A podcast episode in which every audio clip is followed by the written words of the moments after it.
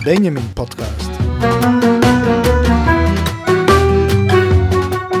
Artikelen uit het kwartaalblad van JMW die we ook even gaan bespreken.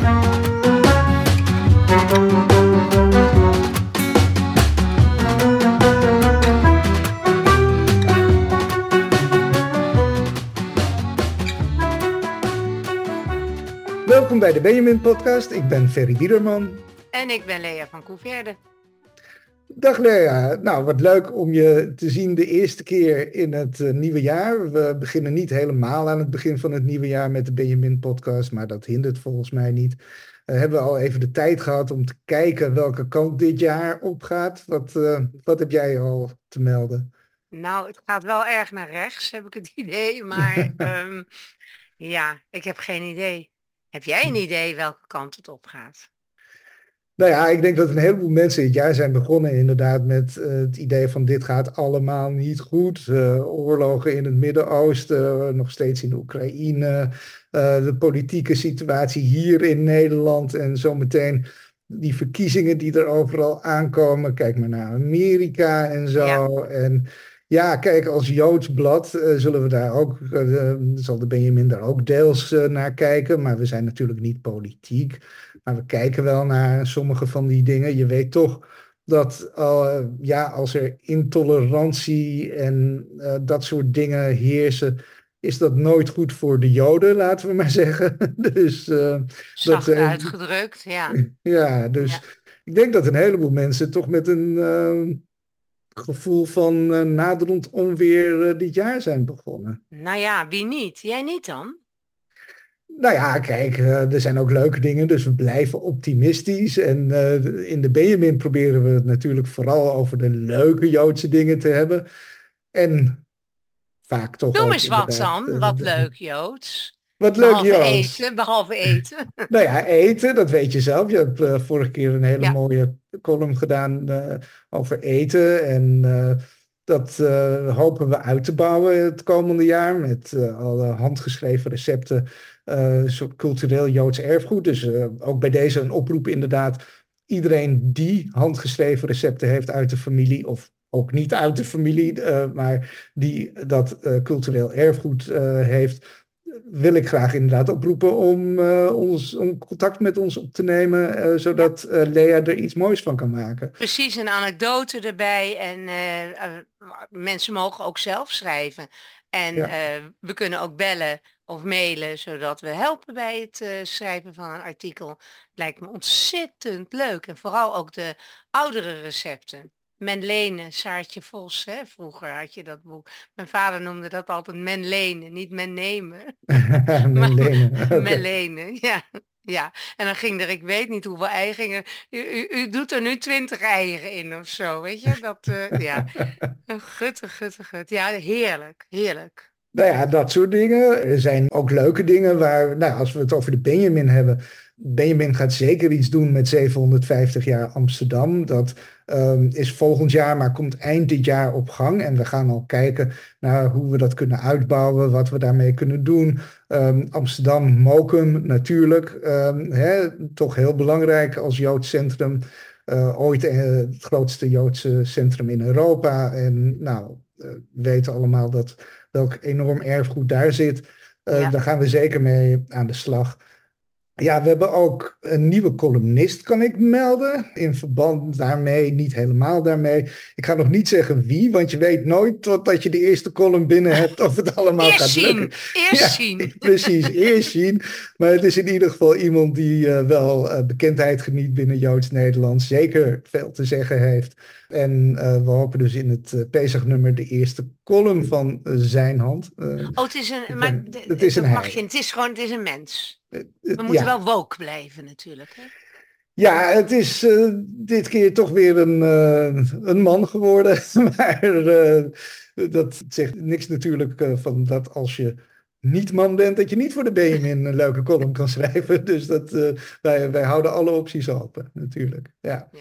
Dus een leuke nieuwe columnist, dat, daar kijken we echt naar uit. Ja, verder zijn er wat dingen die meer met de oorlog te maken hebben. Welke? De, Ja, dat moet je tegenwoordig inderdaad heel specifiek uh, zeggen welke oorlog. In de Benjamin gaat het dan toch meestal over de Tweede Wereldoorlog nog. Wij hebben wel aandacht geschonken aan wat er in, in Israël en Gaza gebeurt natuurlijk.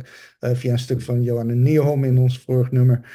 Maar dat doen we niet heel ehm, uitgebreid. Hebben wij ook niet heel veel over te zeggen. Wij zitten er niet, we hebben er niet we, zijn, we hebben geen uh, bijzondere expertise op dat gebied. We kunnen natuurlijk kijken naar wat er in Nederland gebeurt, naar aanleiding van wat er in het Midden-Oosten gebeurt. En ja, daar kan je inderdaad kan je zeggen mm. dat je je behoorlijke zorgen kan maken daarover. Dus, maar we hebben het nu over de Tweede Wereldoorlog nog. Um, en ja, wat er aankomt natuurlijk uh, dit jaar is de opening van het Nationaal Holocaust Museum op ja. 11 maart.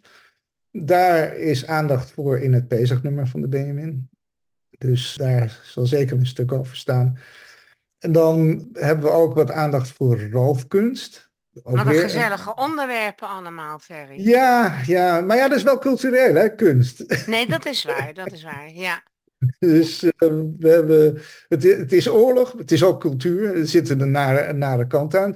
Maar er zitten ook soms uh, ja, hele opmerkelijke kanten aan. We hebben een verhaal gehad in het vorige nummer van de BMIN over een ijsjotter uit Monnikendam, die als roofkunst uh, dus gevonden is. Het verhaal is opmerkelijk. Joodse ja. ijszeilers, mensen in de visserij in Monnikendam, Joden die daarin bezig waren. Ik vind dat uh, zeker een opmerkelijk verhaal. En uh, jij hebt dat ingesproken en daar gaan we zo meteen naar luisteren. Ja. Uh, na deze podcast, of aan het einde van deze podcast. Dus dat soort dingen, de, je kan wel degelijk hele interessante en leuke dingen vinden, zelfs via zo'n naar onderwerp als roofkunst eigenlijk. We, we gaan een stuk uh, hebben over uh, onderzoek dat er loopt naar de Nederlandse kunstcollectie. Dat is een collectie die uh, na de oorlog um, in handen van de overheid is gekomen, waar een heleboel werken bij zitten die onder roofkunst vallen, waar dus onderzoek naar gedaan wordt. Er is ook 30 mei is er in het Joods Museum, of in ieder geval in het Joods Cultureel Kwartier in Amsterdam, uh, begint er een tentoonstelling um, over, met verhalen over roofkunst. Dus het is zeker iets dat dit jaar behoorlijk uh, leeft ook. Ja, dat, uh, dat zijn dus onderwerpen die inderdaad wel met de oorlog te maken hebben. Uiteraard gaan we richting de herdenkingen.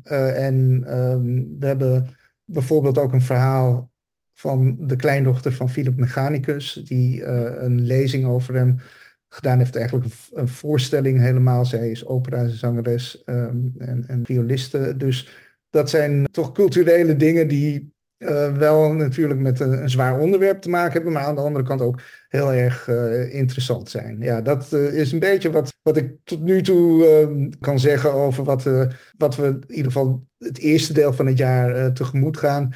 Verder blijven we dingen doen over erfgoed. We, we zullen een stuk hebben over Harry Elten bijvoorbeeld. De super interessante architect van uh, de Amsterdamse school. Van de Obrechtschool, toch? Ja, uh, de Obrechtschool ook. En hij heeft een heleboel mooie gebouwen neergezet. Niet alleen in Amsterdam, maar uh, ook op, in, in heel Nederland. En vaak ook Joodse gebouwen inderdaad. Dus ja.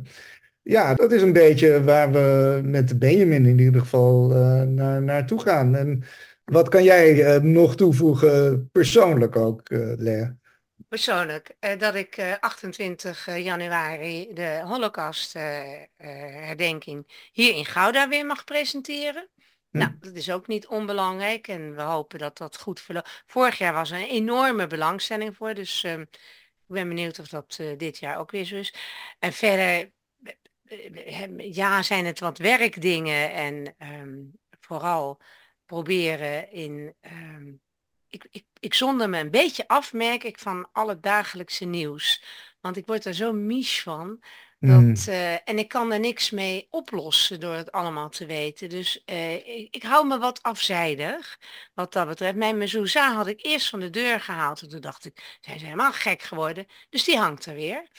En uh, mijn menorah heb ik elke avond voor het raam gezet. Ja, ik kreeg veel tekst van mijn dochter daarover. Mam, nou staat hier. Ja hoor, want ik postte het ook op Facebook. Ik denk, weet je wat? Kom maar op. ik ben 1,58 meter, dus je bereikt met mij niet zoveel. Maar um, um, ja, toch proberen op een andere manier je Joods zijn te beleven en uh, uit te dragen. En ik ga gewoon door. Ook met de. Westerbork-lessen op scholen. Want hoe belangrijk is het om, om dat verhaal door te vertellen? En, uh, en de Benjamin natuurlijk. Jullie fouten lekker allemaal corrigeren. Ja, ja, ja, dat zijn er genoeg inderdaad. Uh, daar heb je druk mee. Maar um, dus uh, geen nieuwe discussies met uh, Radio 2 discjockeys geloof ik over Anne Frank en dat soort dingen. Want je was nee, nee, nee, bijna, nee, nee, bijna een, nationaal, een nationaal figuur ja. afgelopen jaar. Ja, nee, nee, ja, nee, Ruud de Wild was dat. Nee, dat ga ik allemaal niet meer. Ik ben wel op de radio, maar dan op twee lokale omroepen hier. Uh, maar dat is dan weer klassieke muziek, is heel onschuldig. Maar heel soms, nou bijvoorbeeld met de meidagen, uh, maak ik een programma met alleen maar Joodse componisten. En uh, natuurlijk niet de muziek van Joodse componisten. En um, ja, dat vind ik dan heel bijzonder om dat, dat te kunnen doen. En, daar de ruimte ook gewoon voor te krijgen. En um, ik verstop me niet. En jij toch ook niet, Ferry? Nee, ik niet. Ik, ik heb liever niet dat ze weten waar ik woon, maar verder verstop ik me niet. Nee. Ja, dat is hier in Groot Gouda en omstreken is het heel, heel lastig om. Ik bedoel, ik denk dat iedereen wel weet waar ik woon. Maar ja, ik heb een, ik heb een hond. Ik bedoel, die vindt iedereen lief, dus daar heb je ook niks aan. Twitter jij? Ja.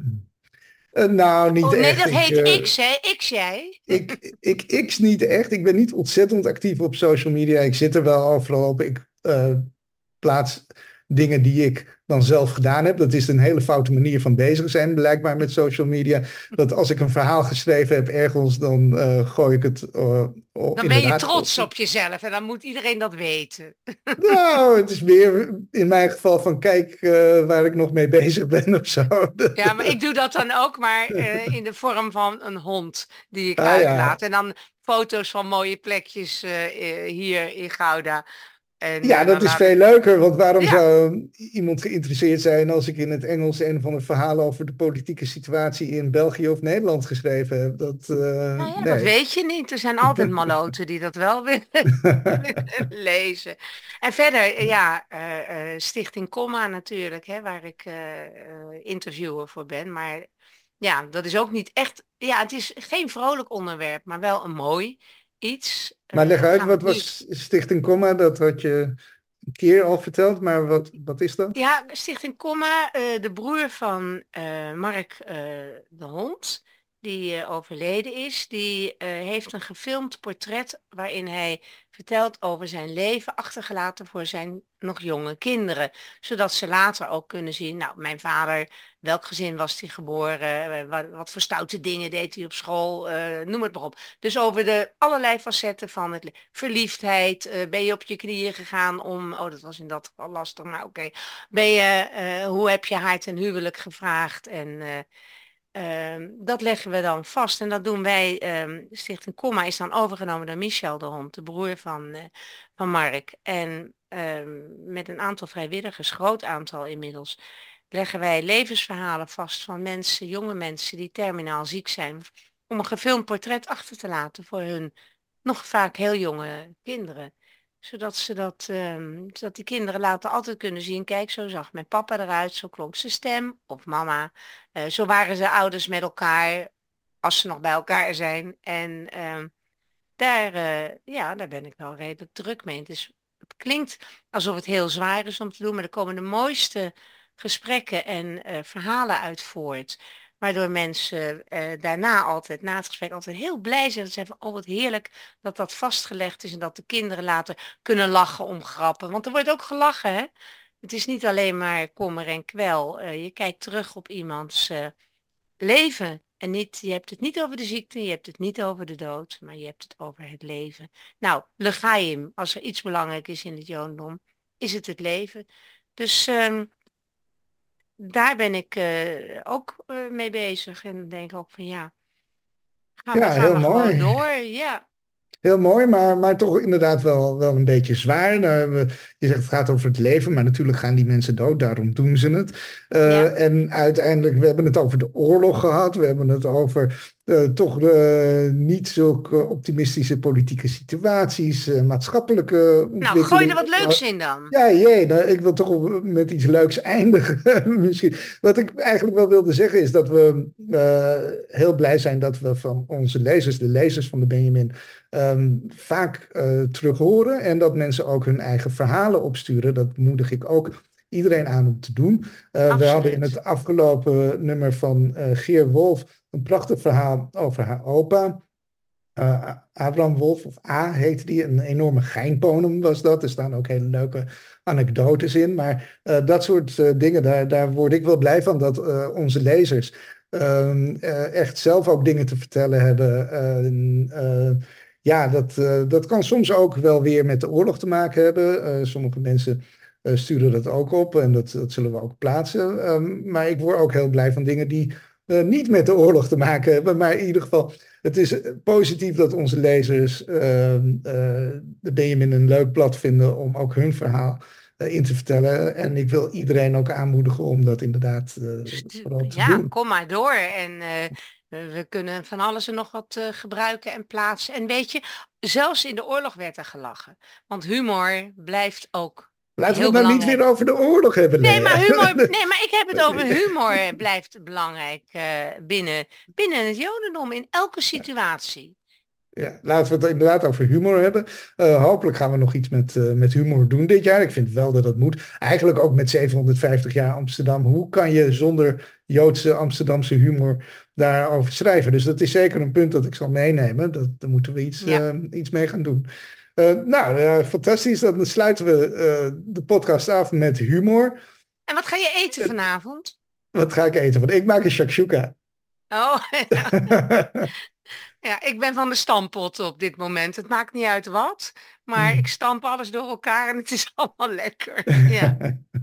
nou, smakelijk eten zometeen. Ja. En het was weer goed je te spreken voor dit jaar. We hebben een klein beetje een tipje van de sluier al opgelicht. En dan ehm, gaan we gewoon het hele jaar eh, weer eh, fijn met de Benjamin aan de slag. Zeker. En als iemand zin heeft om bij ons in de podcast te komen, bijvoorbeeld omdat hij of zij wat leuks te vertellen heeft of eh, iets kwijt wil, ja, meld je absoluut, aan. Absoluut, maar ik, ik leg de, de lat dan wel een beetje hoog. Het moet ook echt wel leuk zijn dan, vind ik. Wat is het dan met jou en leuk? Ja, het moet leuk zijn. Ik bedoel, er is genoeg. Het leven uh, is niet leuk, zei mijn vader altijd, maar je moet het leuk maken. Ja, dan maken we het leuk, inderdaad. We maken dan, het dan leuk. moet het leuk te maken We zijn. stampen het door elkaar en we maken het leuk. Oké. Nou, dan uh, gaan we zo luisteren naar uh, Ja. het verhaal over de Monnikendamse ijszeilers dat jij hebt Ja. ingesproken. En dan uh, spreken we elkaar weer volgende keer. Dankjewel, Heel Lea. graag. Oké, tot gauw. Dag.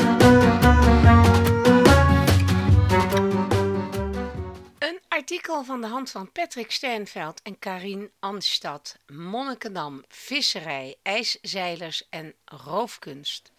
De uit Monnikendam afkomstige familie Witmond heeft in augustus weer formeel bezit genomen van een ijszeilboot die in de oorlog was gestolen.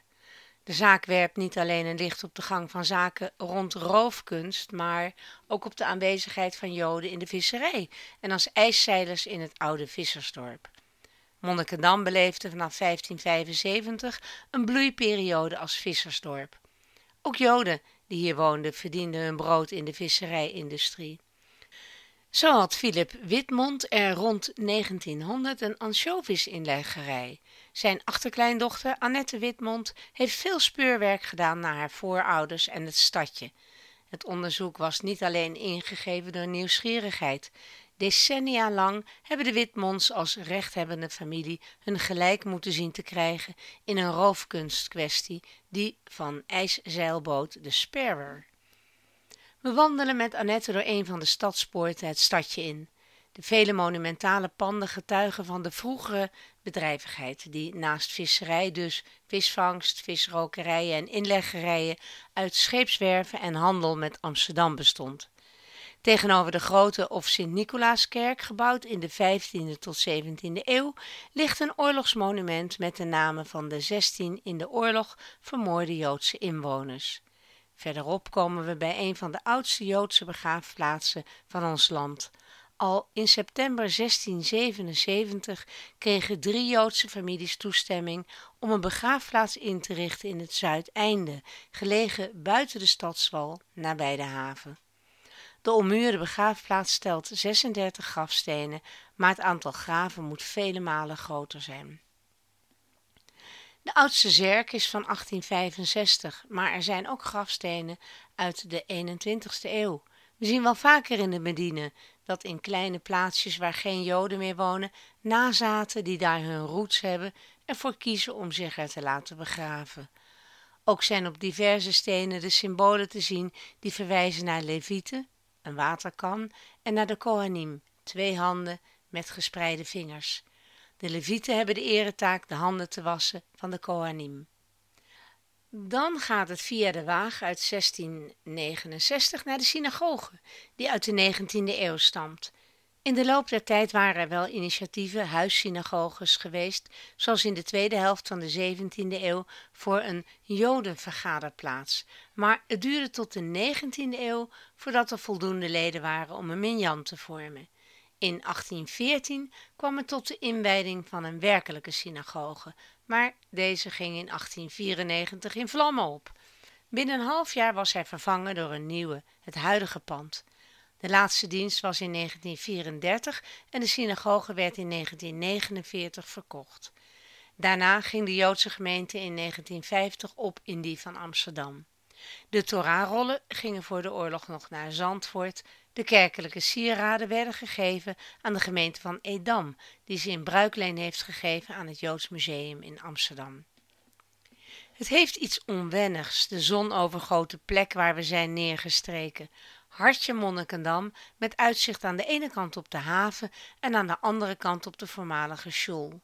Het terras maakt deel uit van het café-restaurant dat gevestigd is in de school. Bij een kopje koffie toont Annette ons paparassen en krantenknipsels. Waar het om gaat is een zogenaamde ijschotter, de sperwer, een eikenhouten schuitje op drie glijders. Hij werd in 1751 in Edam gebouwd voor recreatie. Het is de oudste bekende ijszeiler van ons land en heeft alles met Monnikendam te maken. Rond 1900 was hij al in bezit van Philip Witmond, die hem voor zijn plezier had aangeschaft. In 1908 omschreef een tijdschrift de Sperwer als snelst zeilende ijsschuitje van Monnikendam op de Gouwzee van den heer Witmond. De schuit ging van vader op zoon. Annette toont een artikel van het Zaans Volksblad van 27 december 1938. Daarin staat hoe zoon Andries een barre tocht naar Marken maakte over de eindeloze ijsvlakte van de Gouwzee. Mooi is het ijs niet, ijsschotsen en sneeuwhopen maken het onmogelijk op gladde ijzers de anders zo populaire tocht te maken. Ook de sperwer had met moeilijkheden te kampen. Witmond mocht dan al en terecht de reputatie hebben een van de bekwaamste ijsschuitzeilers van het waterland te zijn. Hij maakte zelden zo'n zware tocht als thans. De sneeuw vloog over de sperwer heen en het scheepje maakte de vreemdste sprongen. Maar Witmond uit Monnikendam met zijn oude trouwe sperwer, als die er niet overheen komt, wie dan wel? Het oude leven, inclusief het ijszeilen, werd dramatisch onderbroken door de Tweede Wereldoorlog, vertelt Annette. Het gezin werd in 1943 gedeporteerd en in Sobibor vermoord. De sperwer bleef achter in Monnikendam. Later onderzoek gaat ervan uit dat de ijsschotter vervolgens uit de opslag is gestolen door een NSB'er die hem doorverkocht aan de exploitant van de jachthaven in Katwoude, ook een NSB'er. Diens zoon zou de sperwer in 1951 voor destijds 300 gulden hebben doorverkocht aan het Zuiderzeemuseum. Het museum deed de aankoop zonder de herkomst na te gaan, zegt Annette. Ondanks herhaalde malen door de erven daarna bevraagd te zijn, waarbij een groepje monnikendammers eveneens hun steun betuigde, was dit geen aanleiding voor het museum om de teruggave te overwegen. Pas in 2013, na de resultaten van een grootschalig landelijk onderzoek naar roofkunst, spoorde het museum de familie op.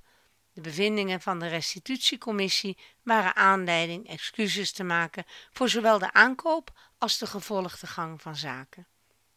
Sperwer werd in augustus 2023 notarieel overgedragen aan de rechthebbende, de familie Witmond. Hij is inmiddels weer ter beschikking gesteld aan het museum. Hij ligt in opslag, maar zal op termijn weer in de collectie terugkeren. En hij mag gezien worden. Het is cultureel erfgoed. Je vindt de Benjamin online op joodswelzijn.nl en als Benjamin Magazine op Facebook. Kijk ook op onze website voor een gratis abonnement op de gedrukte Benjamin. Dit was een Benjamin podcast.